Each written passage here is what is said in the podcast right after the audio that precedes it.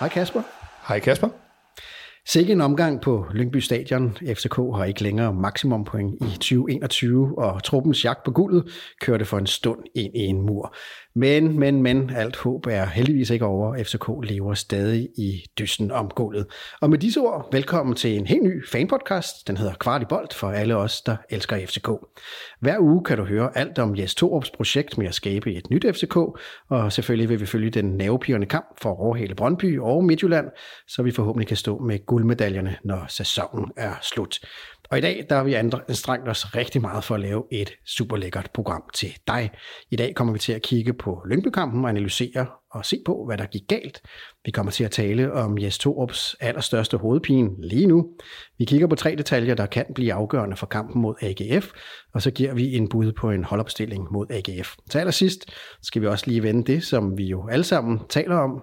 Øh, hvor står FCK aktuelt set i guldkampen? Og hvis du ikke føler, at du har tid til at høre hele programmet, så har vi lagt tidskoder ind i show notes, så du kan springe til de emner, du allerhelst vil høre. Og så må vi lige hellere starte med at introducere os selv. Vi er Kasper og Kasper, der står bag den her podcast, og vi har en ambition om at lave et fanmedie med et højt fodboldfagligt perspektiv. Og man behøver ikke være enig med os, men vi vil gerne forsøge at nuancere debatterne og sætte lidt perspektiv på. Og lad os starte med dig, Kasper. Du, din passion for klubben, den har du jo nærmest fået ind med modermælken.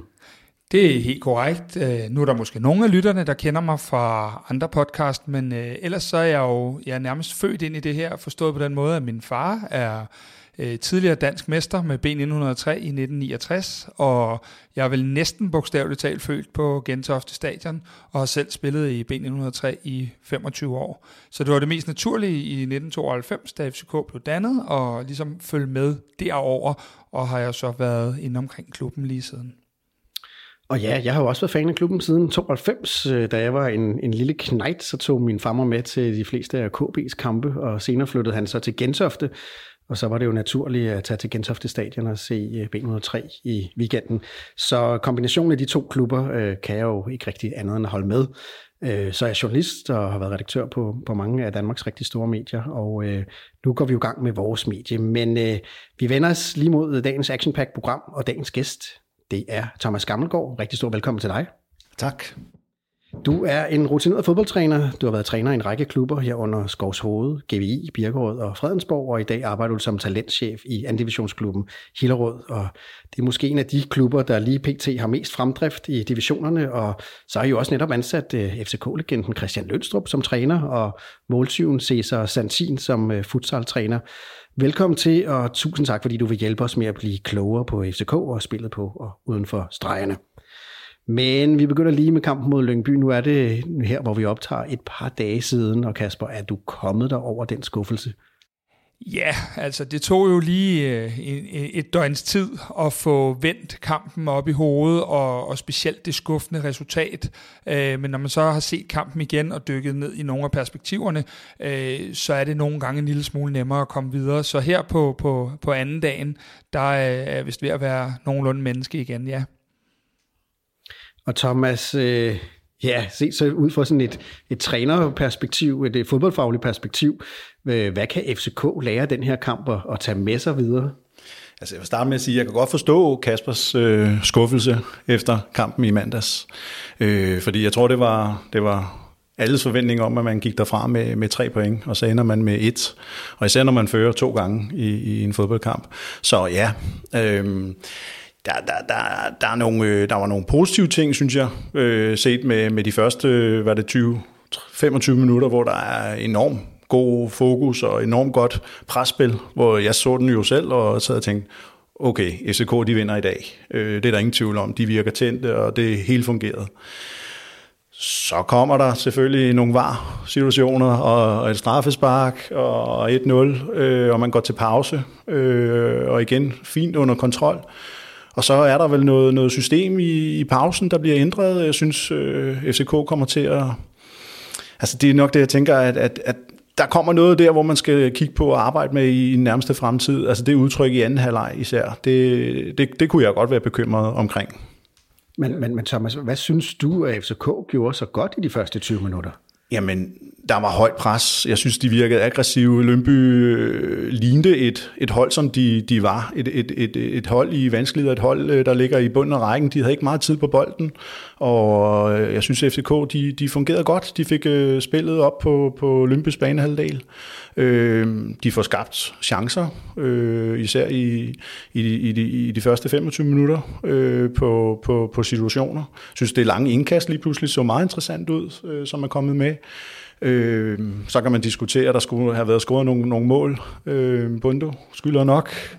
Øh, jeg synes bare, det så interessant ud der. Altså, men det, det, det, det der, altså nu siger jeg selvfølgelig, at Tors øh, øh, hovedpine, som vi også kommer til at snakke om, øh, det er nok defensiven. Den, den, øh, selvom i princippet, nu sidder jeg og FCK og i for første halvleg især, der er, der, der er stadig tydelighed, synes jeg for mig, at der er noget usikkerhed i de bagerste rækker, og det er selvfølgelig også noget sammenhængende med, med, med kæderne foran, øh, men, men der er noget, der skal arbejdes på.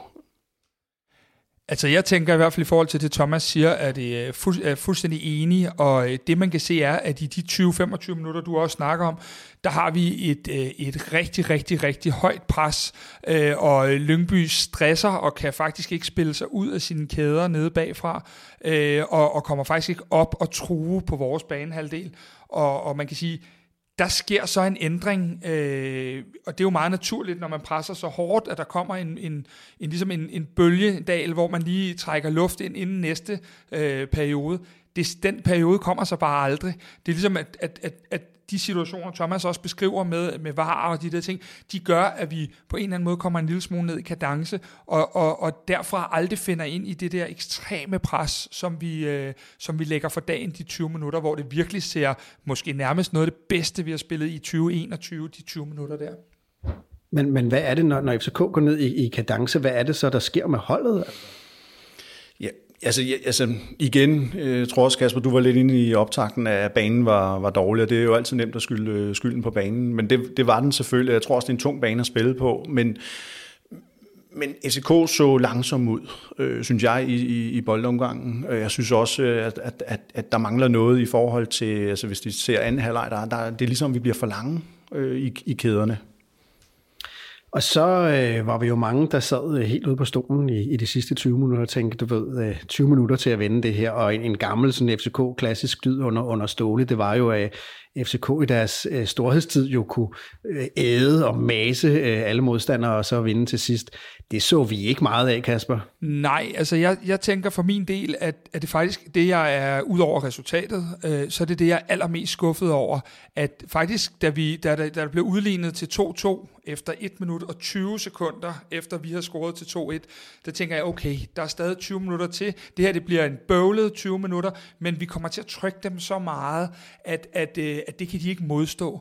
Det pres får vi aldrig lagt, og det er jo sådan der, hvor jeg tænker, øh, er der nogle mentale spøgelser for efteråret, der, der går i, at vi begynder at stresse lidt, fordi det virker ikke som om, at vi spiller lige så organiseret i de sidste 20 minutter. Vi laver også strategien lidt om, sætter vildtjek ind, øh, og, og spiller med mange lange bolde op på, på, øh, på den forreste kæde. Øh, og det virker som om, at vi faktisk går en lille smule i ja, pointstress i de sidste 20 minutter, og det gør, at vi aldrig bliver øh, så dominerende, som vi skal være, og rent faktisk har Lyngby jo et par ikke muligheder, men sådan øh, halve omstillinger, hvor man tænker, nej, nej, nej, nu går det helt galt, og et, og et frispark til allersidst i kampen også, hvor man tænker, nej. Men hvad, hvad siger du til Thomas? Er, er det noget mentalt, eller er det en, en, en, et, et taktisk, øh, at, at de ikke formår at sætte det pres? Jeg tror, det er en kombination af begge dele. Altså, Torb er jo stadig, altså jeg ved godt, der har været en, en vinter øh, opstart her, og han kom til sidst på året. Altså, det, men jeg tror stadig, der er noget, noget taktisk, øh, der skal, og det, eller det er tydeligt, der er noget taktisk, der, der stadig skal sidde lige i skabet, og det selvfølgelig tager det også noget tid. Øh, det, det må man nok også bare erkende øh, som FCK, tænker jeg. Øh, fordi den situation, som, som, som FCK, hvor vi kommer på, på 2-1, øh, der sidder jeg der selv og tænker, den kamp er vundet nu. Altså i gamle dage, der havde jo FCK ville køre den hjem, og så går der, hvad så går der, Kasper? Ja, et minut og 20 sekunder. Et minut og 20 sekunder, og så er der udlignet. Altså det, det er en rigtig dygtig uh, hukommelse, kan sikkert uh, i, ret sætte mig, men jeg, jeg kan ikke huske, at der er blevet uh, scoret så hurtigt på FCK lige efter. Uh, og det, det, det overraskede mig faktisk, øh, og det, vi så det jo også i fjernsynet, den blev også snakket efter kamp. Altså, jeg sad faktisk med en følelse af, at videre, altså, var vi ikke klar over, at ham Varming var så hurtig ude på den kant? Altså, hvordan kan vi blive overrasket over den situation? Hvad sker der ved, ved, ved, ved området foran øh, eget felt? Øh, det overraskede mig faktisk i de situationer, det er jo tegn på, at der er noget taktisk, der skal, der skal arbejdes med, og så igen, jo, der er også noget mentalt. Øh, fordi mens vi sidder og snakker, så sidder jeg faktisk også og tænker på sidste uges kamp mod Sønderjyske, 11 mod 10, hvor også sådan lidt en, en mærkelig øh, situation at være i til sidst. Lige, lige præcis, og det, det er faktisk noget af det, jeg synes, der er vigtigt at dykke ned i, i det øh, mentale aspekt, at, at hvad hedder det, der har været flere ting. Altså i, i Aalborg kommer vi ud og er ikke klar i første halvleg. Mod Sønderjyske spiller vi 11 mod 10, og, og har jo øh, på mange måder i, i en klassik FCK, så spiller vi den rundt på den fine nye plane inde i parken, og så dør kampen, men det, der, det er som om, at de får, det er kun i Horsens kampen, at det har fået lov at dø i rigtigt, og hvor at, at de ikke bliver farlige, og vi afviser alt. Øh, resten af kampene er der en eller anden usikkerhed, og det er derfor, jeg siger, vi er ikke så langt, som nogen tror. Vi har vist resultatmæssigt, at det jo, vi har 20 ud af 24 point lige nu øh, for de sidste øh, otte kampe, men der er stadig nogle ting, der gør, at vi ikke er der som hold øh, mentalt, og som Thomas meget rigtigt siger, heller ikke taktisk endnu. Men, men Thomas, altså, ud fra sådan en trænerperspektiv, er, er vi så også alt for hurtige til at, at dømme Jes, Jes Torup? Altså, fordi man kan sige, ud fra den start, øh, som klubben havde på efteråret, og med en trænerfyring, og med en helt ny stab, og et, et helt nyt koncept, øh, og en ny trup, og en anden måde at arbejde på. Altså, det er jo sådan noget, der tager tid. Er det i virkeligheden urealistisk, at vi skal sidde her og overhovedet kunne tale FCK'en i en guldkamp, eller er FCK et sted, hvor de er i gang med et projekt, som kan blive stort? Jeg tænker, at vi er, er, er FCK i gang med et, et projekt, som, som kan blive stort. Øh, og du har fuldstændig ret. Det er jo ikke kun, altså det er jo, det er jo en helt ny stab. Altså, det er det jo. Der er mange, mange ting, der er blevet ændret øh, på, på gangene i FCK, og det er, jo, det er jo noget, der selvfølgelig vil tage noget tid, og det er noget, der kræver, ja, ligesom i den her tid, vi er i med corona, tålmodighed, øh, og det, det, det, det skal man selvfølgelig øh, have for øje. Øh, det er bare ikke noget, FCK øh, måske har været vant til i de sidste par år, øh, tænker jeg. Så tålmodighed, øh, give den... Altså, jeg, jeg tror på projektet, jeg tror bestemt også på, på Thor, fordi han er en dygtig træner. Øh, det skal der ikke være nogen tvivl om. Og så skal vi jo huske det perspektiv, at øh, Yes kommer til rigtig nok i oktober, men vi er jo rent faktisk først ude i, at den 10. januar har, har Ruben Sages og, og øh, Jakob Næstrup deres første dag. Så alt det der med at finde hinanden i sådan et team, jeg er med på, at de har været i sommerhuset og alle de der hyggelige ting, men, men alle de der forskellige øh, finjusteringer, de, dem begynder vi jo nok først at se, når der er gået noget tid. Det er utopi at tro, at vi er der i forhold til det taktiske og de elementer, der ligger der allerede. Det, det tror jeg simpelthen ikke på, at, at man kan på så kort tid. Og er der noget, man ikke kan i det her, så er det at forsere det. Vi vil gerne forsere det, for vi vil gerne vinde alle kampe, og vi vil gerne vinde guldmedaljer og alt det der. Men man kan ikke forsere øh, en proces, øh, som, som ved godt, det er et fyreord i FCK-sammenhæng. Det kan man simpelthen ikke. Men hvis man skal komme Yes og FCK øh, lidt til hjælp, så kan man sige, der kan jo også, man kan jo også have dårlige undskyldninger, og man kan have gode undskyldninger. Og en af de ting, vi i hvert fald kan snakke om, det var jo banens tilstand, øh, og banernes tilstand, men nu den i Lyngby er, er nok en af de værre, og blev jo bestemt også øh, værre, sådan som kampen skred frem. Øh, altså, Torup lavede jo om på taktikken i pausen, øh, fordi banen var så pløjet op. Var det, øh, Thomas, var det et rigtigt valg af ham? Set i bagspejlet, øh, så var det jo nok ikke et rigtigt valg, øh, i og med, at vi ikke, øh, eller FCK ikke får tre point. Øh, men, men fordi at jeg sidder faktisk stadig, jeg synes det var, og, og Kasper siger det også før, altså det der med at, at, at tage pulsen i kampen, øh, men, men man kommer ud fra pause og har haft 15 minutters pause, der kunne det være fedt udtryk at komme ud igen ud fremover stepperne, øh, kan man jagte, kan man jagte det, det næste mål, hvor, hvor der egentlig, øh, det, jeg synes mere, at man kommer ud og skaber noget usikkerhed for sig selv. Øh, der synes jeg, at, at, og det er jo også igen øh, en træners øh, ansvar og opgave og staben, øh, altså ja, det, det var ærgerligt med 2-2, men, men omvendt så skal, og det ved jeg, det gør de jo også, øh, hvad kan man lære af den kamp her? Altså, hvad kan man tage, tage med sig videre? Øh, fordi det er en proces, selvom det måske er et fyre i FCK, kunne jeg forstå ja. før. Så ja, jeg synes, øh, at det var et ærgerligt udtryk, øh, vi startede op med.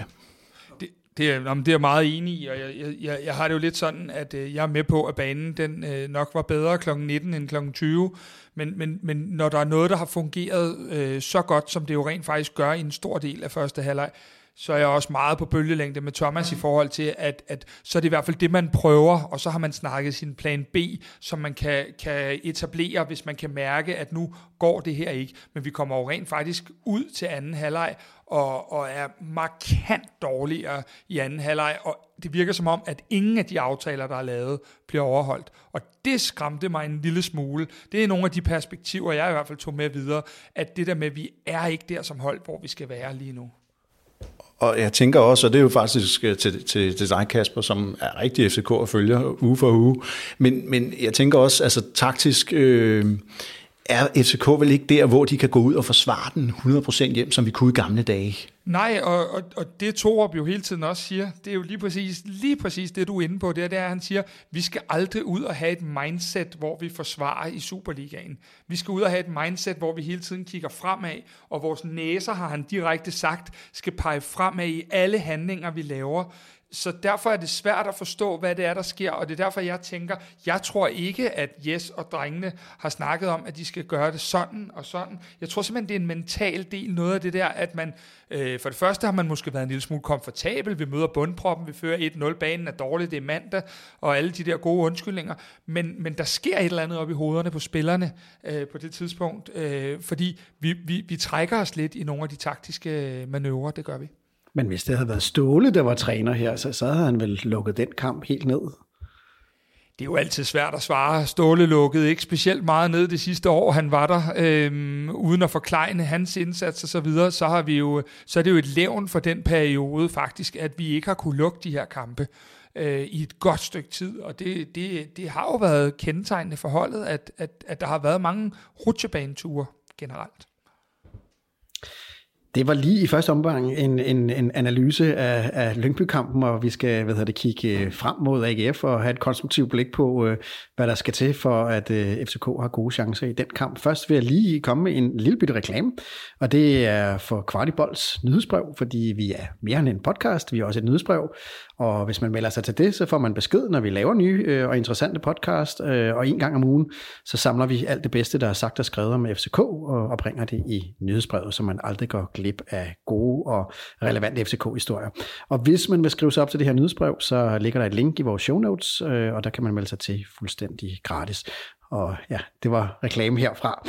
Vi øh, skal til et fast element i vores podcast, som hedder Torups hovedpine. Og øh, vi ved jo ikke, hvad der foregår inde i hans hoved, og hvad han tumler med. Men Kasper, hvis du var Jes Torup, hvad ville din største hovedpine så være lige nu? Min største hovedpine, altså Thomas berørt det jo perifært før, men, øh, men de omstillinger, vi får imod os, øh, der, der har vi simpelthen nogle problemer. Øh, det, det er alt for nemt at, at, at lave chancer på os stadigvæk. Øh, mange skyder på, at det er Sankas manglende form, øh, Victor Nilsons opgave, øh, omgang med bolden osv. osv. Og det, det er der selvfølgelig en, en, et delelement, men for mig at se, er det noget med, at... Øh, jeg synes, at vi simpelthen er for dårlige i det, der er sådan lidt populært hedder restforsvaret. Vi har, vi, vi har simpelthen, det er for nemt at spille op igennem os, og, og, og lave de der chancer, som vi også så, som Thomas rigtig sagde før, med, med Varmings øh, hvad hedder det, øh, øh, mål, at det, det er simpelthen blevet for nemt, og jeg synes, at det er et problem, der, der bliver ganske vanskeligt, hvis vi ikke får taget hånd om det, fordi AGF for eksempel har... Øh, øh, Torsteinsson og Links. Torsteinsson, han har gjort ondt på os mange gange. De har Links, der er hurtigt. Brøndby har tre raketter op foran, når vi skal møde dem bagefter osv. Hvis det ikke er noget, hvor vi kan få sat en prop i, så, øh, så, så, så tror jeg simpelthen, at det er der, der ligger nogle tre år ude på to spor på tieren i hvert fald. Helt sikkert. Hvad, hvad, er du enig i, i den betragtning, Thomas? Øh, ja, det, det, det synes jeg faktisk, jeg er. Altså, jeg, vil, jeg vil også læne mig op af, at, at uh, Torbs hovedpine må, må være øh, den defensive del af, af, af spillet. Uh, Og, og det er rigtigt, jeg sad lige og tænkte på, at der er vel gået seks mål ind på, på FCK nu her, ikke? Øh, og det er jo en, det er jo en del, øh, kan man sige. Og, og altså, igen set udefra fra min synsvinkel, der, der, der, ja, der er noget, der, jeg, får noget, jeg får en følelse af noget usikkerhed i den, i den bagerste fire. Øh, og igen, som jeg også sagde i, i starten, at det er, jo, det er jo kun de fire, der, der skal have skylden for det. Der er jo nogle relationer i forhold op til, til, til midtbanen, men, men egentlig ser centralt. Nu kan jeg høre, at kommentatorerne sad og snakkede om, om, om øh, landsholdsudtagelse snart og så videre. Jeg må bare sige, at jeg synes ikke, at, at øh, Sanka og Victor, de ligner to landsholdsspillere øh, PT.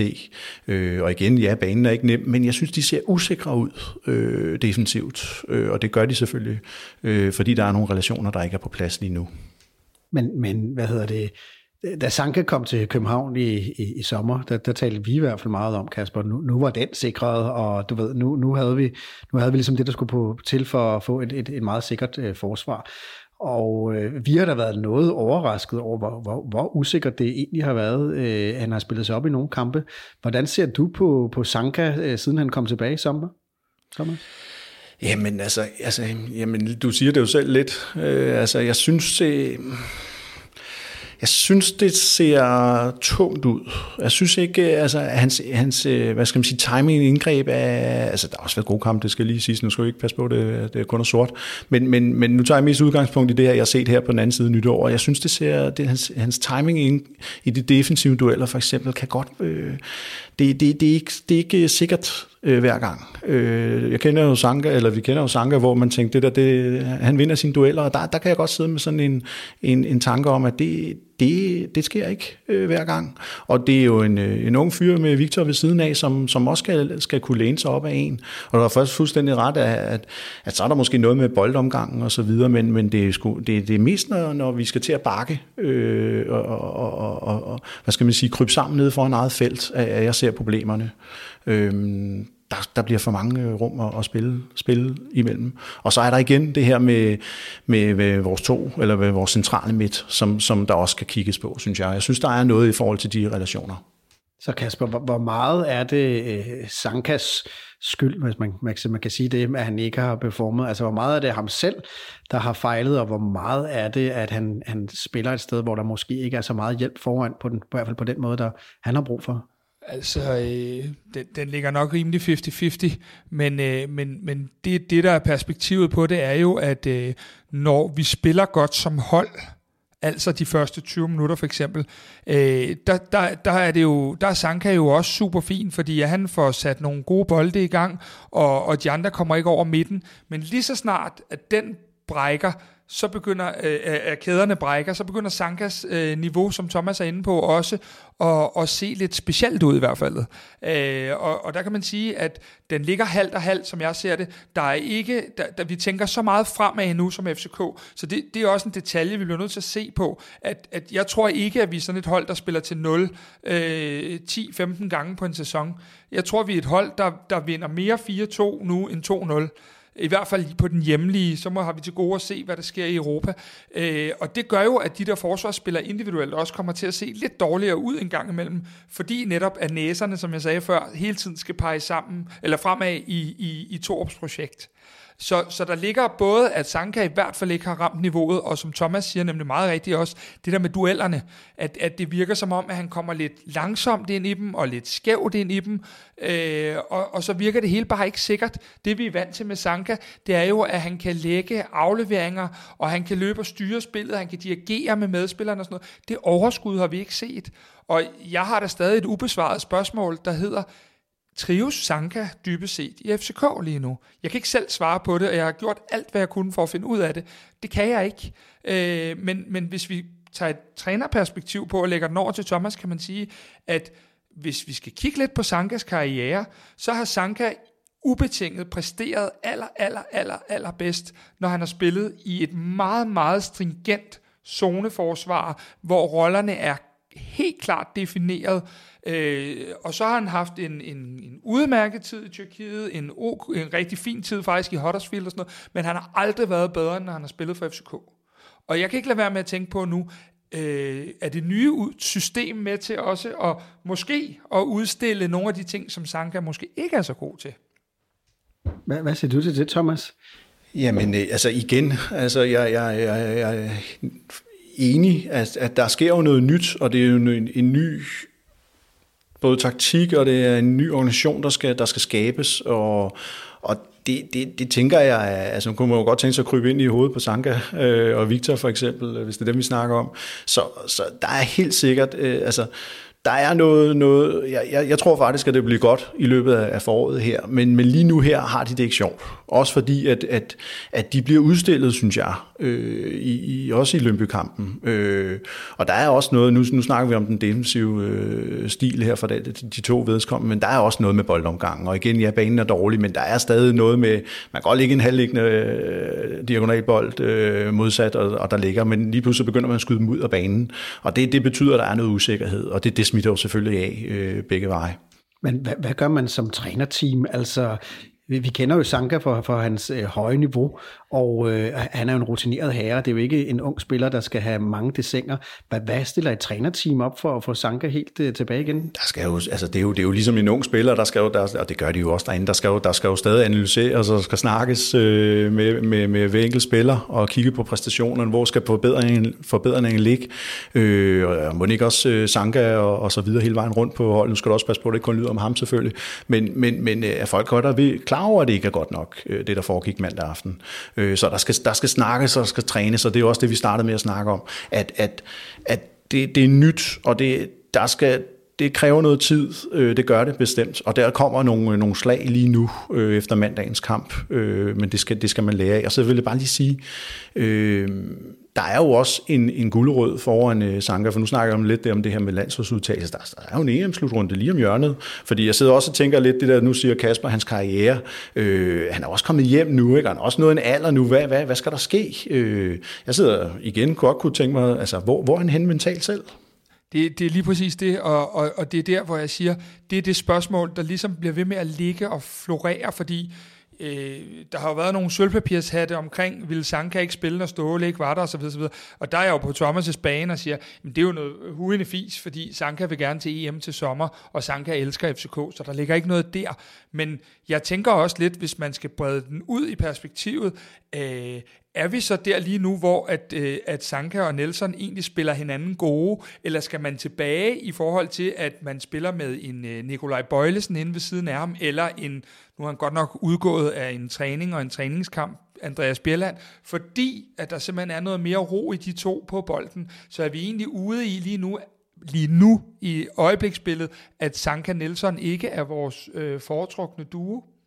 Altså, hvad hedder det, Sanka nok, vel nok bedste kamp i år, der spillede han ved siden af Bjelland. Altså, vil, vil det være et bedre match for ham, eller har det overhovedet nogen betydning? Øh, altså for mig at se, øh, så, så den kamp mod Horsens var så øh, speciel, fordi Horsens overhovedet ikke truer i bagrummet. Så hvis vi kigger på for eksempel anden halvleg, så står vi bare og tager imod. Og er der noget at Andreas Bjelland er blandt Superligaens allerbedste stopper til, så er det at stå lavt og tage imod. Men, men, men når vi møder hold, der skal ud og løbe lidt med Bjelland, øh, så, så vil jeg gerne stille spørgsmål ved det. Men jeg synes jo bare, at noget af det største forandring, der kom i efteråret, det var netop det der meget, meget sikre afspil for Bøjle og Sanka inde i midten, og så, så øh, det perspektiv, der kom på det også, det var, at, øh, man kan sige, at det gjorde, at der var noget ro omkring vores spil. Og, og, og den ro har vi ikke på samme måde set, i hvert fald kun måske 90 minutter sammenlagt her i forårets første fire kampe. Så det, det, er, det, det er en tanke værd i hvert fald. Ja, Thomas? Ja, og så vil jeg bare sige, mens du siger noget, Kasper sidder og tænker også, altså nu, nu sammenligner vi jo også lidt tilbage med Ståle, og, og Ståle havde jo også det der med, at man selvfølgelig kunne vi også gå i pres der, men vi, kunne, vi var lige så dygtige til at falde tilbage på banen og stå kompakt. Og som du selv siger, altså hvis det, det er jo en anden stil, næserne fremad, og altså, nu er jeg selv gammel forsvarsspiller, og det der med at skulle stå kompakt og nede i en midterforsvar, men så er man jo graderet, øh, men, men når man skal spille offensivt, ja, så bliver det noget andet. Så er man lige pludselig lidt mere blottet. Vi kan jo som en lille breaking news sige, at Thomas har, har spillet bak bag mig, og, og, og jeg var den klassiske tiger, der aldrig fik øh, vasket tøjet mere end, end ved juletid. Så øh, på den konto kan man sige, så har han lært det på den hårde måde. Ja, det kan vi lave et andet program om. Ja, det tror jeg er en god idé. Så har jeg i hvert fald kvalifikationen til at udtale ja. Det her, det var vores bud på to op største hovedpine lige nu, men det her er jo ikke bare et program fra os til jer, det er i virkeligheden et program, der gerne skulle binde FCK-fans øh, sammen. Så derfor så vil vi også meget gerne høre, hvad du synes, at øh, Torps største hovedpine er lige nu, i forhold til at få FCK øh, helt klar til at, at, at være med i, i slutdusten i guldkampen. Og øh, til det, der har vi oprettet en øh, Facebook-gruppe, Øh, hvis man går på Facebook og søger på grupper, så kan man søge på Kvart i Bold. Og øh, derinde, der vil vi starte en tråd om Torups største hovedpine. Vi har valgt, øh, hvad hedder det, genpresset og omstillingsspillet. Øh, det kan være, at du synes, der er noget helt andet, som, som, han, som, som er det allerstørste problem, han bør takle lige nu. Og øh, vi vil være rigtig glade, hvis du gad at deltage i debatten på vores Facebook-gruppe, som hedder Kvart i Bold. Øhm, og der kan man altså melde sig ind. Jeg lægger en, øh, et link til den i show notes, så hvis man klikker der, så kan man melde sig til at være med i forhåbentlig det, der skulle være en konstruktiv og kvalificeret debat omkring FCK. Så kigger vi øh, lidt fremad mod AGF-kampen. Det er jo en, øh, en 6-pointskamp, øh, og øh, Kasper, du øh, har jo valgt øh, tre detaljer, som du synes, vi, skulle, vi bør holde øje med i kampen, og som kan blive kampafgørende. Og den allerførste, det er en øh, ændring øh, på midtbanen med, med, med to sekser. Vil du, vil du uddybe? Ja, jeg vil gerne uddybe en lille smule. Øh, nu, nu har der jo allerede været en del debat omkring det med, om, om man kan spille med to sekser, eller skal spille med to sekser. Øh, jeg tænker meget af den analyse, som vi i hvert fald har lavet her øh, i, i den her udsendelse, den peger på, at der er nogle problemer omkring øh, de omstillinger. Og, og på den led tænker jeg i hvert fald, at øh, for mig er det ikke øh, mere defensivt anlagt at spille med to sekser, fordi du så kommer ind og spiller 4, 2, 3, 1, og det vil sige, at du har fire spillere, der, der på en eller anden måde er relativt frigjorte til, øh, hvad hedder det, øh, til at, at gå med i presspillet, og så har du øh, nogle sikringsspillere, som jeg jo øh, både selv synes, og også sådan lidt hører Thomas sige, øh, at Sanka og Nielsen måske i, i højere grad har brug for. Vi har også været inde på Thorsteinsson og Links, der kommer med enormt meget speed og så videre.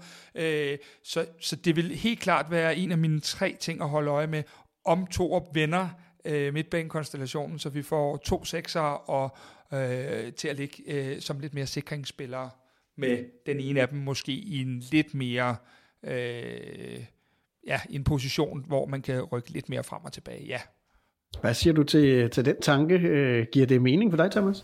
Ja, jeg synes også, det giver, det giver god mening. Altså, jeg tænker også, at, at øh, ikke for at forklare nogen modstander, men jeg tænker også, at niveauet bliver lige hævet en, en del også øh, mod AGF, og der, der, der bliver det vigtigt at, at stå tæt i kæderne. Og jeg tænker faktisk også, som du siger, nu siger du omstillinger, Kasper, men der er vel også, der er vel også den del i det, at AGF kan jo også godt lige en gang imellem at slå nogle bolde op på, på angriber, og der kommer også nogle, nogle anden bolde at slås om, og, og en, en sekser mere omkring de bolde giver vel også noget, noget mere, øh, hvad kan man sige, rum til at vinde de statistikker i forhold til ja, at vinde en anden bolde. Og det er Patrick Mortensen jo øh, eminent til. Øh, og der, der, der vil de jo ligge og søge og, og, og lave den der hurtige bold op på ham, og have nogle løbende af de små, lidt letbenede spillere om, omkring ham, så det er meget, meget, meget enig i, ja. Det er første detalje, som vi i hvert fald helt sikkert holder øje med i kampen mod øh, AGF. Og så kan vi jo næste uge, øh, når vi har set kampen og forhåbentlig har et godt resultat med, øh, de debattere om, om eller, og snakke om, hvad der, hvad der i virkeligheden skete, og se, hvad, hvordan Jes Torup øh, disponerede. Anden detalje, vi kigger og holder øje med mod AGF, det er om afbrænderne for betydning for Bondo versus øh, Daramis øh, ret fine indhop, Kasper. Ja, altså øh, jeg, jeg vil faktisk gerne lige korrigere en lille smule og sige uh, Bundos indsats, fordi at uh, han kommer jo frem til chancerne, og, og jeg, jeg kunne ikke, som i hvert fald sådan ud fra et fagligt perspektiv, kunne ikke finde på at sætte nogen af på grund af brændte chancer. Jeg kunne nærmere finde på at sige, at jeg synes, at han melder sig for meget ud af kampen, og, og slet ikke er levende nok og, og med i vores spil, og på den måde kommer han til at ligge som blind passager. Og når så er hans direkte konkurrent, eh, Mohamed Darami, kommer ind, og måske er vores man of the match nærmest i anden halvleg, og er meget mere levende, og øh, hvad hedder det, har nogle rigtig fine både øh, presaktioner, øh, nogle af de få, der var, og også nogle rigtig fine defensive øh, hvad hedder det, løb, hvor han var med nede og Europa så er det da et kig værd i løbet af ugen at se, om, om det er en af de veje, at, at Torp kunne finde på at gå i hvert fald. Var du overrasket over, at Darami, vi har ligesom hørt, at han var rimelig langt fra, fra kampstart. Var du overrasket over den indsats, han, han kom ind med mod øh, Jeg var meget overrasket, fordi nu så jeg jo reserveholdskampen mod Brøndby, og, og det lignede en Mohamed Darami med, med voldsomt meget rust. Øh, så, så at han kom ind øh, så tidligt i kampen overraskede mig for det første. Øh, det overraskede mig ikke så meget, da man var ude at se træningen, for han var med i nogle af alle de forskellige øvelser, der blev lavet. Men det overraskede mig, at han kom ind så tidligt og virkede til at have så meget power og energi, at man godt kunne overveje, at en uge mere på træningsbanen kunne, kunne gøre udslaget, hvis han, som vi hører også tit derudefra, er en rigtig dygtig træningsspiller også. Hvad siger du, Thomas? Øh, Hvem vil du stille med, hvis, hvis du var træner? Altså, den, den den er jo faktisk svær, for der er også noget mentalt i det, tænker jeg, ikke? at skulle til at sætte, sætte en øh, ny spiller af allerede efter få kampe. Så jeg, jeg tænker faktisk, at jeg vil umiddelbart øh, fortsætte, fordi man sidder også, ah, hvis han nu bare scorer på den første efter, hvad er det, 5-6 minutter øh, på en do, altså, så, så, så må det ikke have, altså, det er jo også igen noget med noget mentalt og noget selv, selvtillid, vi snakker om. Jeg tænker, at han skal, han skal have chancen igen fra start.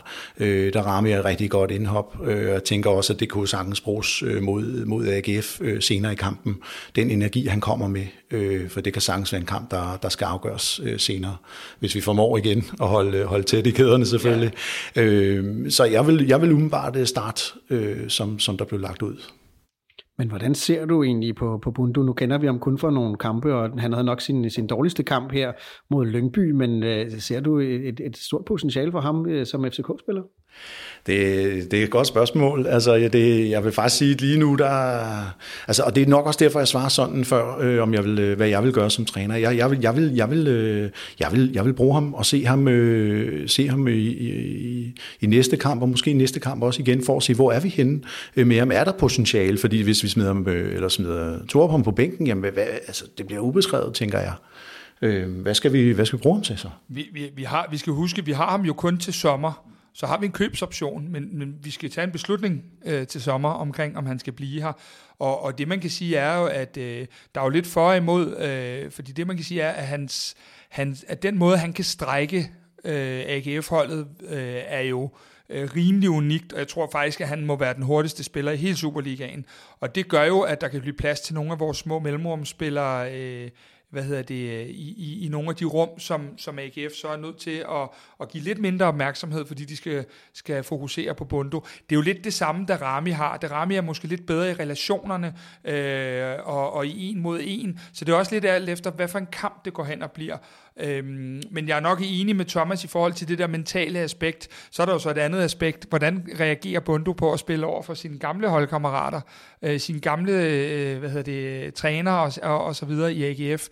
Hvordan fungerer det lige pludselig? Er det noget, der er med til at løfte ham, eller er det faktisk noget, der er med til det modsatte? Og der tænker jeg, at trænerteamet hos os har en væsentlig opgave at, at finde ud af, hvor ligger hans øh, tændings- og spændingsniveau i forhold til, om, om han virker mere klar til den slags, fordi det, man skal kigge på, er, at efter øh, AGF, så har vi jo en midtugekamp, og så kommer de to kampe, som jeg jo nogle gange tænker lidt, han har købt ind til.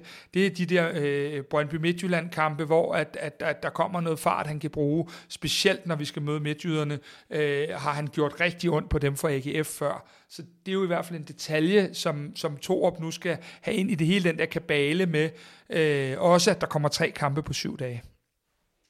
Men, men man kan sige, at han har spillet i AGF. AGF kender jo også ham rigtig godt. Øh, sikkert både mentalt, der ved, hvor de skal trykke ham, og, og selvfølgelig også øh, øh, i forhold til hans spil. Altså er det en fordel eller, eller en ulempe, øh, Thomas, at, øh, at, at det er en, AG, en tidligere AGF'er? Jamen, det kan jo, det kan jo blive begge dele, øh, men jeg tænker, hvis, hvis, øh, hvis jeg var bundu, så vil det være en kamp, jeg vil se frem til, og en, jeg virkelig vil starte ind i øh, mod min gamle, min gamle klub. Øh, og der er også igen, som jeg sagde før, det der mentale, altså det er altså ligegyldigt, hvordan vi drejer vinderne, så er det altid nederlag, hvis man sidder ude mod sin gamle klub. Øh, jeg tænker, at det vil være et, et rigtig godt udspil øh, at lade ham komme afsted. Også selvom de kender ham, øh, AGF selvfølgelig, men jeg tænker, at de har også så stor respekt for ham, så det kan også tage tage, som du siger, Kasper, det, kan, det vil skabe noget til, til, til de andre. Ja, til mellemrumspillerne, ja. Og, og det, er jo, det er jo det, der er det helt store mentale spil nu. Øh, er, det, er det Bundo, der kan, der kan komme ind og, og levere en kanonindsats mod AGF, eller er det AGF, der kan komme op i hovedet på Bundo? Og det er jo et, et kan man sige, et mentalt perspektiv, som Christian Engel blandt andet med garanti også taler med Torup og med Bundu om i den her uge, hvor får vi mest ud af ham? Er det, når det er, at Kasper Højer er en lille smule træt efter 60, øh, og han kan komme ind med sin enorme speed, eller er det noget med at bringe ham fra start, fordi han simpelthen har så meget, han skal komme med? Kasper, øh, du har selv bragt temaet op, øh, Bundu versus Darami. Øh, Thomas har jo valgt. Hvem vil du øh, vælge at gå med, hvis du var træner? Øh, den er lidt todelt, så jeg bliver lidt et politikersvar. Øh, var jeg træner, så havde jeg nok valgt at gå med Bundu, ligesom Thomas. Men privatpersonen Kasper, der sidder her, vil øh, faktisk nok gå med Darami, og så øh, smide Bundu ind, når Kasper Højers fødder var ved at være lidt møre. Og øh, det er nok fordi, at noget af det, jeg ser, det er, at Darami også har et topniveau, der simpelthen er outstanding, og jeg ved, at øh, blandt andet øh, scouten Erik Larsen, som, øh, som jo har set Gud og hver mand, øh, øh, har, har i en, en, en anden podcast udtrykt også det der med, at man kan se, at Darami har et niveau mere end alle de andre, når man ser en træning. Og det er også det, jeg synes, jeg tit ser på tieren. Jeg synes, han er så spændende, at jeg nok vil, ja, jeg vil gå med ham. Det vil jeg. Og øh, det fører os jo frem til helt naturligt det næste. Øh, vi kommer til at kigge på vores bud på en øh, startelver mod AGF. Og Kasper, du er jo rigtig aktiv på Twitter, og øh, plejer jo faktisk gerne at, at, at give bud på, øh, på startelveren. Og i hvert fald de sidste par uger, der har du faktisk ramt 11 ud af 11. Øhm, men øh, skal vi prøve at lige se, om, om, om vi tre øh, kvikke fyre her kan, kan sætte et hold, og så kan vi selvfølgelig tale lidt for imod øh, med de forskellige øh, varianter. Ja, altså det, det, det kan vi godt. Øh, der, der var jo en del flere spørgsmålstegn efter den her Lyngby-kamp, end, end der plejede. Men øh, jeg får lyst til at holde lidt fast i, at vi, at, at vi øh, spiller lidt anderledes formationsmæssigt, men det ændrer ikke for, på persongalleriet. Øh, det er bare et spørgsmål om, hvor man placerer de sidste spillere. Øh, men jeg tænker, at øh, vi vel alle sammen, øh, eller er vi, øh, omkring, at Kalle skal stå på mål. Øh, jeg ved, at der har begyndt at være lidt ryster fremme omkring ham, men jeg synes lidt, det er håret i suppen, hvis vi skulle begynde at, at, at kigge på den position på nuværende tidspunkt. Så har vi en firkæde, hvor øh, det jo lidt giver sig selv med Bartolec. Ankersen er på vej tilbage, men ikke helt klar endnu. Og, og Bartolec, øh, som Thomas faktisk også berørte, er jo simpelthen begyndt at have et, et, et våben, som kan hjælpe ham lidt fremad i FCK-karrieren, med at vi faktisk har lavet tre mål nu efter det lange indkast her i 21 det er jo en detalje, vi i hvert fald er nødt til at, at, at se på. Øhm. I gamle dage var det jo også, der satte banderne tæt på, tæt på banen inde i parken. Ja, nu bliver, det, nu bliver det parken uden bander. altså, øh, helt klart. Øh, så tror jeg, jeg vil give genvalg, øh, på trods af vores debat og diskussion, vil jeg give genvalg til Nielsen og Sanka, fordi jeg har ligesom Thomas, jeg tror, der er et perspektiv i, i, i dem. Øh, og så øh, Nikolaj Bøjlesen ude på, på venstre bakke er jo måske nærmest en af de sikreste på, hold, på holdkortet, og nogle gange vil man ønske, at han kunne spille alle 11 pladser. Øhm, så lad, lad os lige stoppe der. Det ja. er et, øh, et, et, et information, som vi kender, øh, så det er sådan set genvalg øh, til, til defensiven. Øh, Thomas, er du, øh, er du også der, hvor du vil give genvalg til, til de spillere i forsvaret og på månedsposten? Jeg tænker det samme. Øh, også i forhold til, hvis der skal, eller det skal der jo, der skal bygges noget op, øh, også igen for at få de relationer øh, spillet sammen. Så jeg tænker det samme. Så øh, kan det være, at vi her kommer frem til noget spændende i forhold til, til midtbanen, øh, og det, det er måske her, der, der er noget at rykke med i forhold til forrige kamp mod Lyngby. Kasper, hvad er dit bud på en, øh, en øh, midtbane til Jamen, start øh, jeg, jeg er ikke sikker på, at mit bud er det samme som Torps, men, men øh, jeg vil personligt spille med, med Lea og Seca som de to øh, sekser. Øh, Stage, øh, det, det er hårdt at sætte ham af, men jeg synes på den anden side, at øh, Lea er øh, så spændende ud, da han kom ind, og jeg tænker, at Lea er, er en af grundpillerne på vores hold fremadrettet, og jeg ser simpelthen bare, at, at han er så dygtig en spiller, at, øh, at, at det ikke er et, at man kan sige, det er ikke et fravalg af Stage, det er et tilvalg af læger. Det er sådan lidt det, jeg ser. Så jeg vil sætte Lea og Seca på de to sekser, og foran dem vil jeg så øh, hvad hedder det, øh, sætte øh, Rasmus Falk i en lidt mere offensiv rolle, og Specielt fordi jeg også synes, at Rasmus Falk er så dygtig i presspillet, at, øh, at, at hvis vi kan sætte det med Rasmus Falk øh, i en tand længere fremme, så tror jeg meget vil være vundet der også. Thomas, hvad, hvad siger du til det?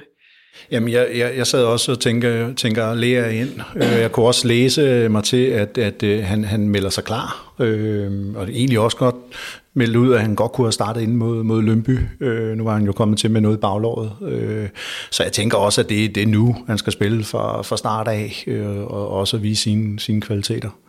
Og hvad sagde I til hans øh, indhop? Altså udover at han selvfølgelig scoret mål, øh, hvordan kan man, hvad, hvad er hans bedømmelse af hans indhop her øh, mod Ja, altså hvis jeg skal starte, Kasper, så, så øh, ja, målet husker jeg. Altså, men det er ikke, jeg sidder ikke og tænker, wow, altså det gør jeg ikke, fordi det var en, øh, en, en, en rodet kamp, synes jeg, øh, fra, fra da han kommer ind og scorer, og så går det jo lynhurtigt med udligning. Øh, det gør jeg ikke, så jeg synes ikke, det, det er ikke noget, der lige umiddelbart hviler på ham, men det var en rodet kamp øh, i anden halvleg. Øh, men jeg tænker, hvis en, en kamp fra start af med noget kontrol, der tænker at han kunne blive rigtig, rigtig god for, for holdet. Jeg tror, en af de ting, Thomas siger, er nøglen for mig. Lea er for mig ikke en indskifter. Øh, Lea er en, der skal ind og starte og, og have greb om kampen sammen med, med sine to midtbanekollegaer. Øh, Lea er løftede ikke holdet i Lyngby, som man havde håbet, han gjorde, men, men, men man kan sige, at alle 11 faldt sammen øh, i den anden halvleg, og derfor tænker jeg, at øh, jeg vil gå med Lea fra start nu, fordi jeg synes, han er en starter. Men det, det må da være, altså nu siger du selv, at øh, Stage har jo på ingen måde spillet sig af, og det må jo være på en eller anden mulig måde også være, være en af Torups hovedpiner, at sige, øh, du ved, altså, altså at Stage tager, tager ham af, efter han faktisk har, har, har spillet rigtig godt. Øh, og så er der jo selvfølgelig det der med igen, jamen det er jo også AGF, det er hans øh, gamle hjerteklub.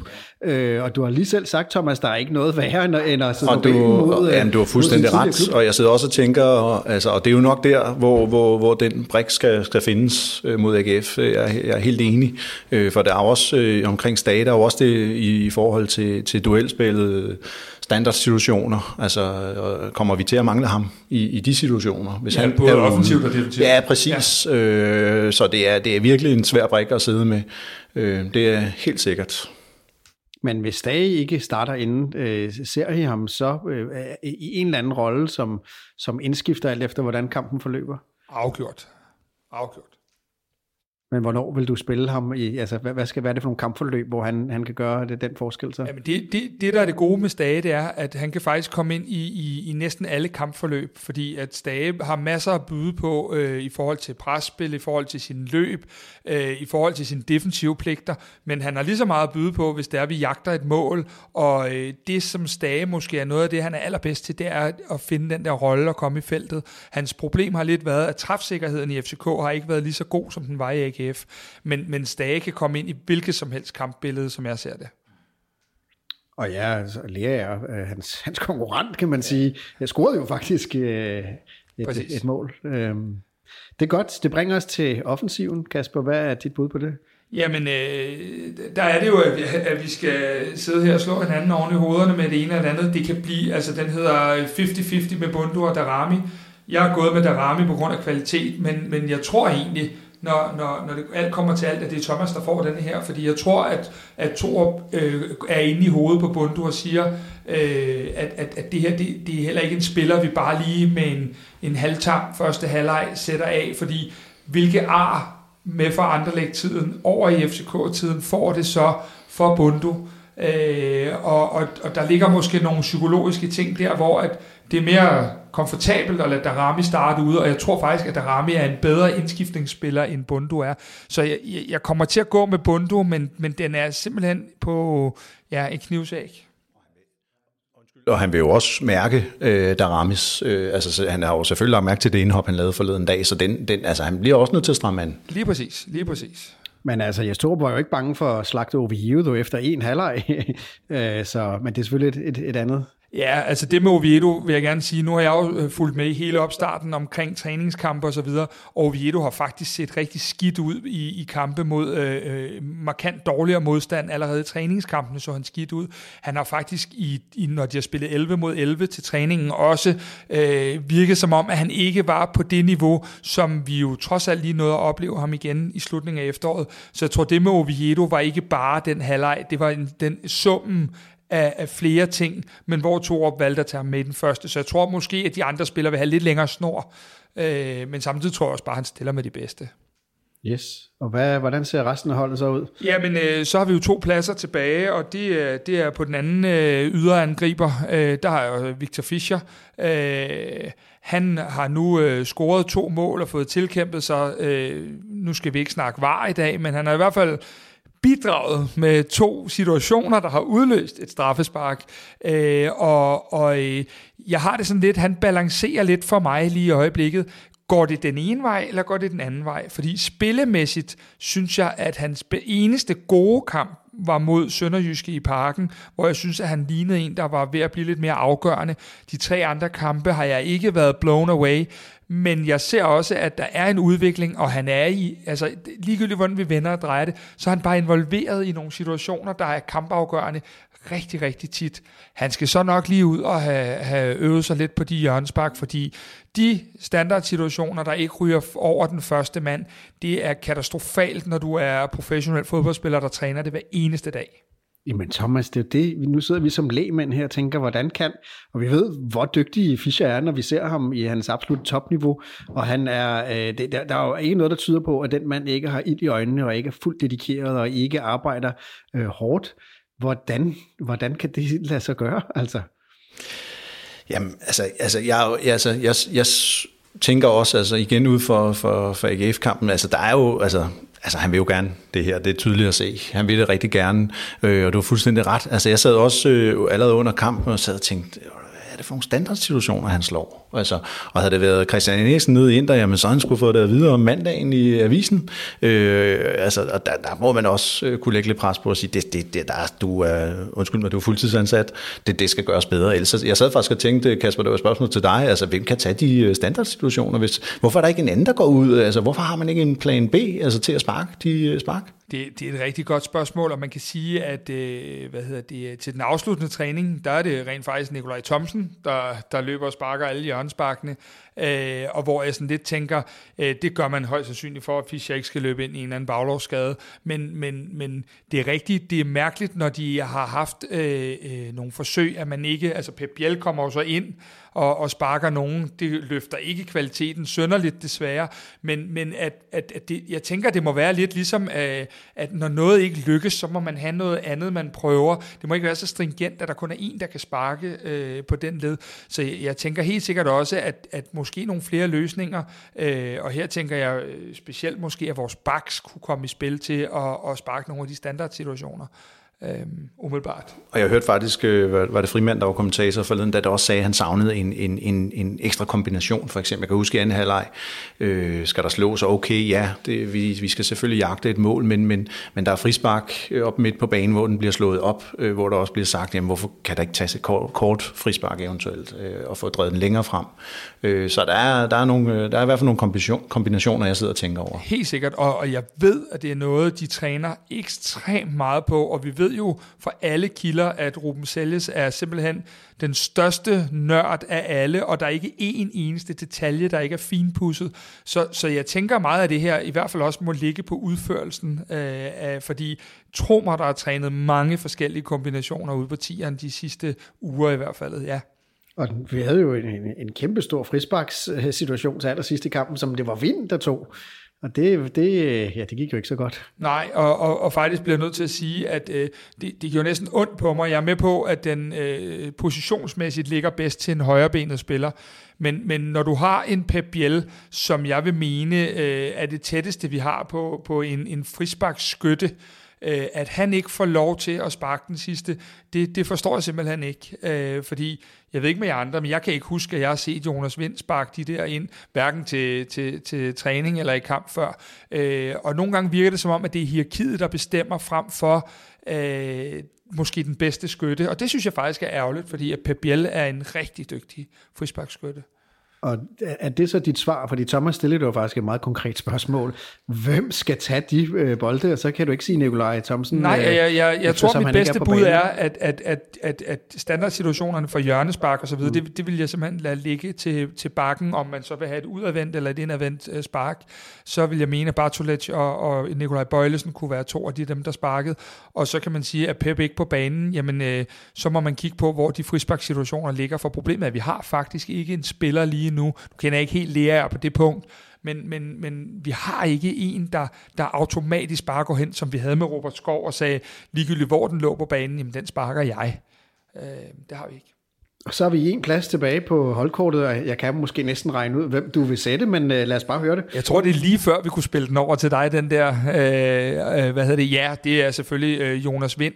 Men jeg vil gerne lige knytte en kommentar og sige, at øh, jeg synes, at Jonas Vind, han er den spiller, vi måske har med det allerstørste potentiale. Og når man har det, øh, så forpligter det også. Og jeg synes ikke, at Jonas Vind øh, tager det lederskab. Jeg er med på, at han ikke er 30 år gammel, men han er en rigtig FCK-dreng osv. osv. Jeg synes, at der mangler noget i hans præstationer. Øh, jeg, han er unik til at sparke straffe, og han er, han er god øh, på mange områder, men jeg synes, at der er for, for langt mellem snapsene i, de, i det her forår indtil videre. Øh, han spiller en sublim anden halvleg op i Aalborg, da vi vender kampen, er det faktisk Jonas Vind, der vender den, men der er for mange, og det gælder lidt vores spillere generelt, der er for mange, der træder ud af kampene øh, i for lange perioder, og det bekymrer mig lidt, og det gør Jonas Vind også. Og nu brugte Thomas selv på banen før, det der med EM-slutrunden det er altså også et sted, hvor Jonas Vind har en mulighed for at starte inden til sommer. Han er måske vores dygtigste falske nier, som Julemand gerne vil spille, og som fik sit gennembrud mod Belgien her i efteråret. Han er simpelthen nødt til at lægge på sine klubpræstationer, og vi er nødt til at få Vind bedre med. Jeg prøver så at lægge en lille smule op til, at, at vi skal have ham lidt længere fremme øh, på, på søndag og, og, og bringe ham lidt mere i boksen, også for at han bliver mere målfarlig, fordi det er ikke nok, at han scorer på straffe. Du er jo talentchef, Thomas, øh, og vi kan også sige, at Vind er jo nok ude over at være et, et talent, men han er jo stadig ung og er, er, et talent, der ligesom er kommet ud af klubben. Og alle siger ligesom, du ved, han kan blive et af de største salg, FCK nogensinde har lavet. Men er du enig i den øh, observation, at han, han, han måske er dalet lidt her øh, i foråret? Det var et godt spørgsmål. Altså, jeg, jeg, jeg tænker, at, at øh, altså, igen får at mig op lidt af, af det, der lige er blevet sagt fra Kasper, at, at, at jeg synes, han virker sløset i nogle situationer. Altså, og han scorer, han scorer mål, ja, og, det er også, og der er på straffespark, ja. Men han virker, han virker ikke fuldt koncentreret. Der er faktisk et eksempel, nu kan jeg selvfølgelig ikke huske, hvad minut det er i, men, men i anden halv, eller undskyld, i første halvleg er der en, en omstilling, hvor man ryger tre afsted, hvor han laver en, inders, eller en yderside aflevering, altså lige hen i fødderne på, på, på en, en Lømby-forsvar. Og øh, det bliver selvfølgelig også kommenteret i fjernsynet, og det tror jeg, det har gjort i, i mange FCK-stuer.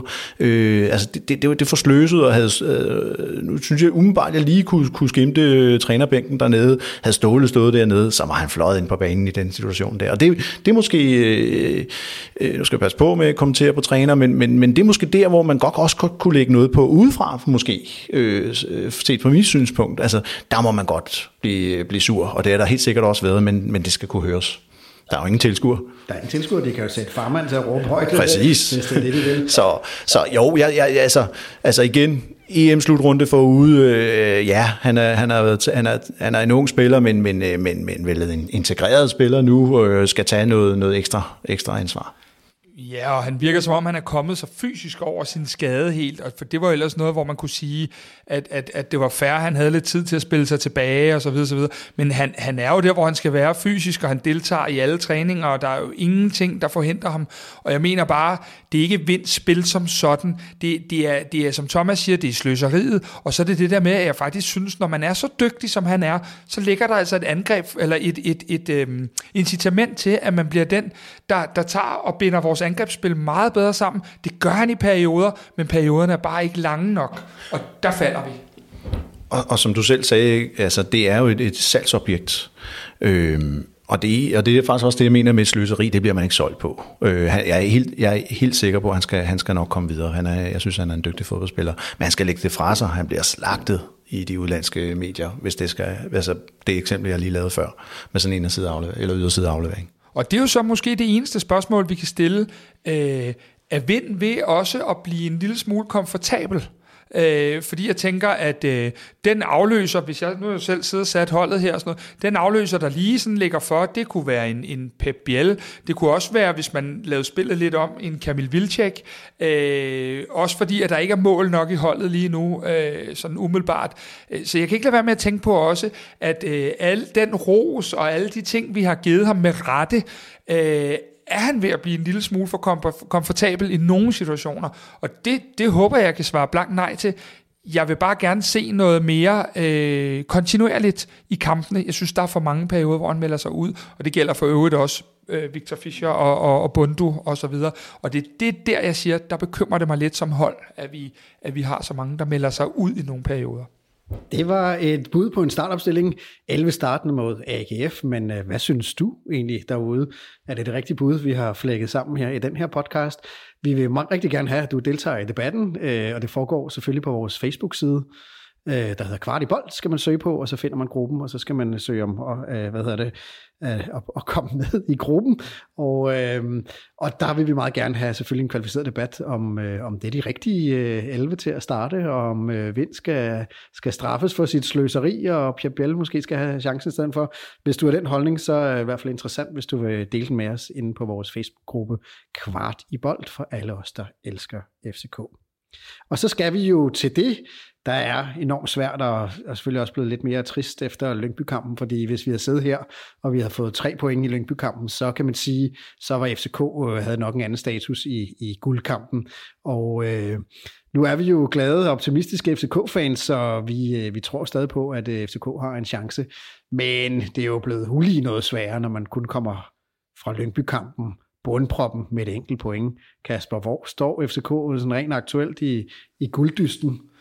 Jamen umiddelbart, så kan man sige, at det der er problemet lige nu, det er, at øh, hvis alt går perfekt i weekenden, og, og Midtjylland og Brøndby spiller uafgjort, og vi slår AGF, så er vi faktisk kun repareret på det skidt, vi fik med resultatmæssigt. Meningen med sådan en weekend, der kommer her nu, det er jo, at vi skulle kunne have taget noget på de andre konkurrenter. Vi ved, at Midtjylland eller Brøndby, eller dem begge to, mister point, og vi selv kan, kan smide AGF lidt af. Øh, og, og, og det er derfor, jeg siger, der er simpelthen ikke plads. Vi har, vi har sat os selv i en situation i efteråret, hvor der simpelthen ikke er plads til de her smuttere, og, og, og derfor bliver det så fatalt, og det er også derfor, vi bliver endnu mere negative, fordi ret beset er 10 point øh, ud af 12 mulige i forårs fire kampe jo som rigtig fint og med et rigtig højt snit, men der kommer et problem, fordi vi har et efterslæb, og det gør jo, at vi sætter os selv tilbage i en situation, hvor spiller vi uafgjort med AGF, og, og der bliver en vinder i den anden kamp, jamen så vil vi ved at være sat. Der skal ikke særlig meget til nu, og slet ikke i de kommende kampe, som hedder AGF, Vejle, Brøndby, FC Midtjylland og Randers. Fire ud af de fem kampe er mod top 6 hold. Vi kan nærmest ikke tåle at sætte noget til. Øh, og, og, og for, i min kalkyle skal det give 13 ud af 15 point, hvis vi går ind i et, i et øh, afgørende mesterskabsspil med 10 kampe, øh, og stadig skal være med i, kamp, øh, i kampen om du guldet. Og er det realistisk, Kasper, når vi ikke engang mod bundproppen kan, kan få mere end uafgjort? Er, er det overhovedet realistisk? Nu er jeg jo sådan en af dem, der, der, der det kan sgu have været, lidt gammeldags, men jeg tror lidt på, at man, man, man øh, altså, at når ens modstander bliver bedre, så er man også selv lige 5% bedre i alle dueller og så videre. Jeg tror på, at vi faldt lidt ned mod Lyngby, og når jeg kigger på expected goals, så øh, ligger vi på 2,16 mod Lyngby, 2,92, hvis vi trækker straffesparket ind i. Det er jo alt rigeligt til at vinde den kamp derude. Øh, så isoleret set, så spiller man uafgjort med Lyngby, og det er, hvad der kan ske. Det må ikke ske, men det er, hvad der kan ske. Men vi tillægger det endnu mere betydning, fordi at vi har det efterslæb. Øh, jeg tror, at vi vokser mod de gode modstandere, og derfor tror jeg godt på, at vi kan, at vi kan lave tæt på de 13-15 point, ja. Og Thomas, øh, det var Kaspers take. Øh, hvor ser du FCK i den øh, guldkamp, som jo primært hele tiden er tænkt mod Midtjylland, men man kan sige, Brøndby kan man jo altså på ingen måde afskrive, fordi øh, til trods for at spillet måske ikke altid lige er der, hvor det bør være, så får de jo tre point kamp efter kamp her. Ja, der er noget stabilitet øh, fra Brøndbys side, og det, øh, altså igen som Kasper siger, nu, nu, nu, nu misser man to point i, i mandagens kamp, øh, men men jeg, jeg sidder ikke med en følelse af, at det er guldholdet, jeg har, jeg har set spille øh, her i foråret. Jeg ved godt, det går ondt på, på, på, på lytter også.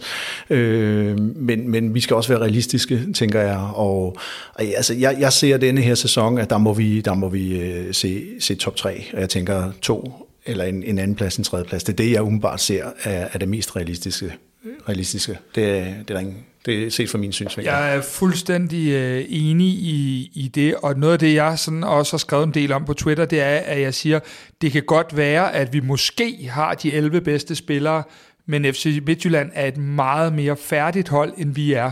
Og det er det, hvor jeg siger, at, øh, at, at det er det, der kommer til at gøre udslaget, at vi som hold ikke er der. Øh, vi har heller ikke de der marginaler, hvor at, at, at Midtjylland, der brænder Horsens lige til sidst og sådan noget. Og det kendetegner bare et stabilt, færdigt hold, som de har. Øh, og det har vi ikke. Der var, der var en ting, som jeg egentlig glemte at spørge om her, da vi, da vi havde om, om optakten til AGF. Nu røg vi jo direkte ind i, i, i gulddysten, fordi det også er så spændende, og det er det, vi mange sidder et eller andet sted og, og håber på, at det stadig er aktuelt. Men Ruben Selles øh, rigtig stort kendskab til AGF, øh, har det overhovedet nogen øh, indflydelse på den måde, vi forbereder os, og, og giver det os en fordel, at vi har en mand, der har været helt inde i maskinrummet og ved, hvordan de tænker? Altså, øh, sådan det, det, det helt korte svar er, er umiddelbart Nej, og det er det, fordi at, at jeg tror, at de danske topklubber øh, med det udstyr og det materiale og det kendskab, de har til hinanden, øh, umiddelbart ved, øh, alt, hvad der foregår. Så kan der være nogle helt specifikke øh, situationer, nok ikke standardsituationer, fem stod han selv for, øh, men der kan være nogle, nogle helt specifikke ting på, hvordan kommer vi ind i hovedet på Nikolaj Poulsen. Øh, det skulle ikke være så svært. Øh, hvad hedder det? Øh, hvilke løbemønster har øh, Thorsteinsson og så videre. Øh, nogle bitte små detaljer, der kan gøre det, men generelt tror jeg bare, at de danske klubber ved så meget om hinanden, at, at det de, de vil være øh, justeringer, han kan, kan bidrage med. Thomas, hvad, du, du, er jo, du er jo tidligere træner, og altså, har det nogen betydning, hvor meget man, om man har nogen, der kender øh, hvad hedder det, kernen af, af ens modstandere? Jamen, jeg læner mig faktisk også op i det, Kasper siger. Altså, der er et kæmpe kendskab til hinanden øh, mellem klubberne, øh, analyse, og, og, og man kan jo se, altså man kan jo virkelig gå ned i, i alle detaljer øh, nu om dagen, øh, og de møder hinanden mange gange i løbet af en sæson. Øh, jeg tror også, at jeg vil læne mig op af, i forhold til det, der, der kommer en udefra ind øh, og kender modstander nu, øh, så er det måske mere de små, små ting i forhold til det der mentale plan. Altså, er der noget, øh, man skal være opmærksom på over for en forsvarsspiller? Øh, altså, er det noget, altså jeg tror helt sikkert, der er noget at hente i forhold til, til mere sådan viden omkring den enkelte spiller hos modstanderen. For det taktiske, det her, det ved de alt om. Præcis. Enig. Tusind tak, tusind tak Thomas, fordi at du vil være med her i vores øh, premiere på vores nye øh, podcast, Kvart i Bold. Øh, jeg synes, det var rigtig godt. Du har i hvert fald gjort mig klogere på, på spillet, og øh, jeg kommer til at se kampen mod AGF med, med nogle andre øjne på grund af den øh, kvalificering, som I, I begge to har givet. Og Kasper, inden vi lige sådan helt runder af, så, så synes jeg lige, vi skal snakke øh, Kvart i Bold. Det er jo et nyt fanmedie, og øh, som udgangspunkt, så er vi et nyhedsbrev, og vi er en øh, podcast. Øh, men sådan på sigt, så, så har vi jo også nogle andre tanker omkring det her med at starte et fanmedie. Jamen det har vi. Øh, hvad hedder det? Rigtig, rigtig mange, både unge og lidt ældre mennesker, øh, går rundt og, og mangler nogle relationer. Det, virker, det viser alle tal og opgørelser i Danmark, øh, at rigtig mange sidder alene. Rigtig mange har ikke de øh, relationer, venskaber, bekendtskaber, øh, som, som kunne være ønskværdigt, og som alle mennesker har brug for, for at leve et, et godt liv. Øh, og vores lille podcast kunne godt tænke os på sigt at bruge fodbolden som løftestang for at bringe folk sammen om noget. Det er selvfølgelig relevant i den her sammenhæng at sige AGF. Det kunne også være, at man kiggede mod Thomas' klub op i Hillerød og, og, og andre ting. Øh, fordi jeg synes, at, at, at er der noget, der kan bringe os sammen på tværs af alder, køn og høj og lav og så videre, så er det fodbold på stadion, og det er øh, fodboldrelateret øh, interesser øh, og, og ting, man kan lave sammen, men vigtigst alt at være sammen. Og det er jo det, vi rigtig gerne også vil bidrage med, udover at være en, en fodboldnørde podcast og, og så videre. Så øh, det er helt klart, øh, om ikke et løfte, så i hvert fald et håb om, at der sidder nogen derude, som kunne tænke sig at være medspiller på sådan et projekt. Øh, så vi havde flere kloge hoveder, der kunne, øh, kunne få os i gang med det her, fordi det er noget, der ligger os rigtig meget på sinden øh, og det er i hvert fald ikke blevet mindre efter vores øh, corona-times her. Tusind tak, Kasper Larsen. Øh, øh, også for dig, og så vil jeg egentlig også sige tusind tak til lytterne, dem der er, er kommet hele vejen med her. Øh, tusind tak, fordi du lyttede med til den allerførste udgave, og husk, hvis du øh, har kunne lide, hvad du, hvad du har hørt her, så vil vi jo blive meget glade, hvis du vil fortælle dine venner om det, og måske også give os en, øh, en anmeldelse inde i iTunes, så andre kan få glæde af det. Men øh, vi er faktisk også rigtig interesserede i at høre din mening om podcasten. Hvad fungerer, hvad fungerer ikke? Hvilke emner vil I godt høre øh, om i fremtidige podcast? Hvilke gæster skal vi invitere? Er der noget, I ikke overgår at høre om? Din mening betyder virkelig meget for os, øh, så vi vil være rigtig glade, hvis du vil bruge et par minutter på at fortælle os, hvad, hvad du mener. Og inde i shownotesene, der ligger der et link til et spørgeskema, og det tager ikke særlig lang tid, men det betyder alverden for os, fordi hvis du fortæller os, hvad du mener, så kan vi lave endnu mere interessant podcast om det, der betyder noget for os alle sammen, nemlig FCK. Tak for i dag.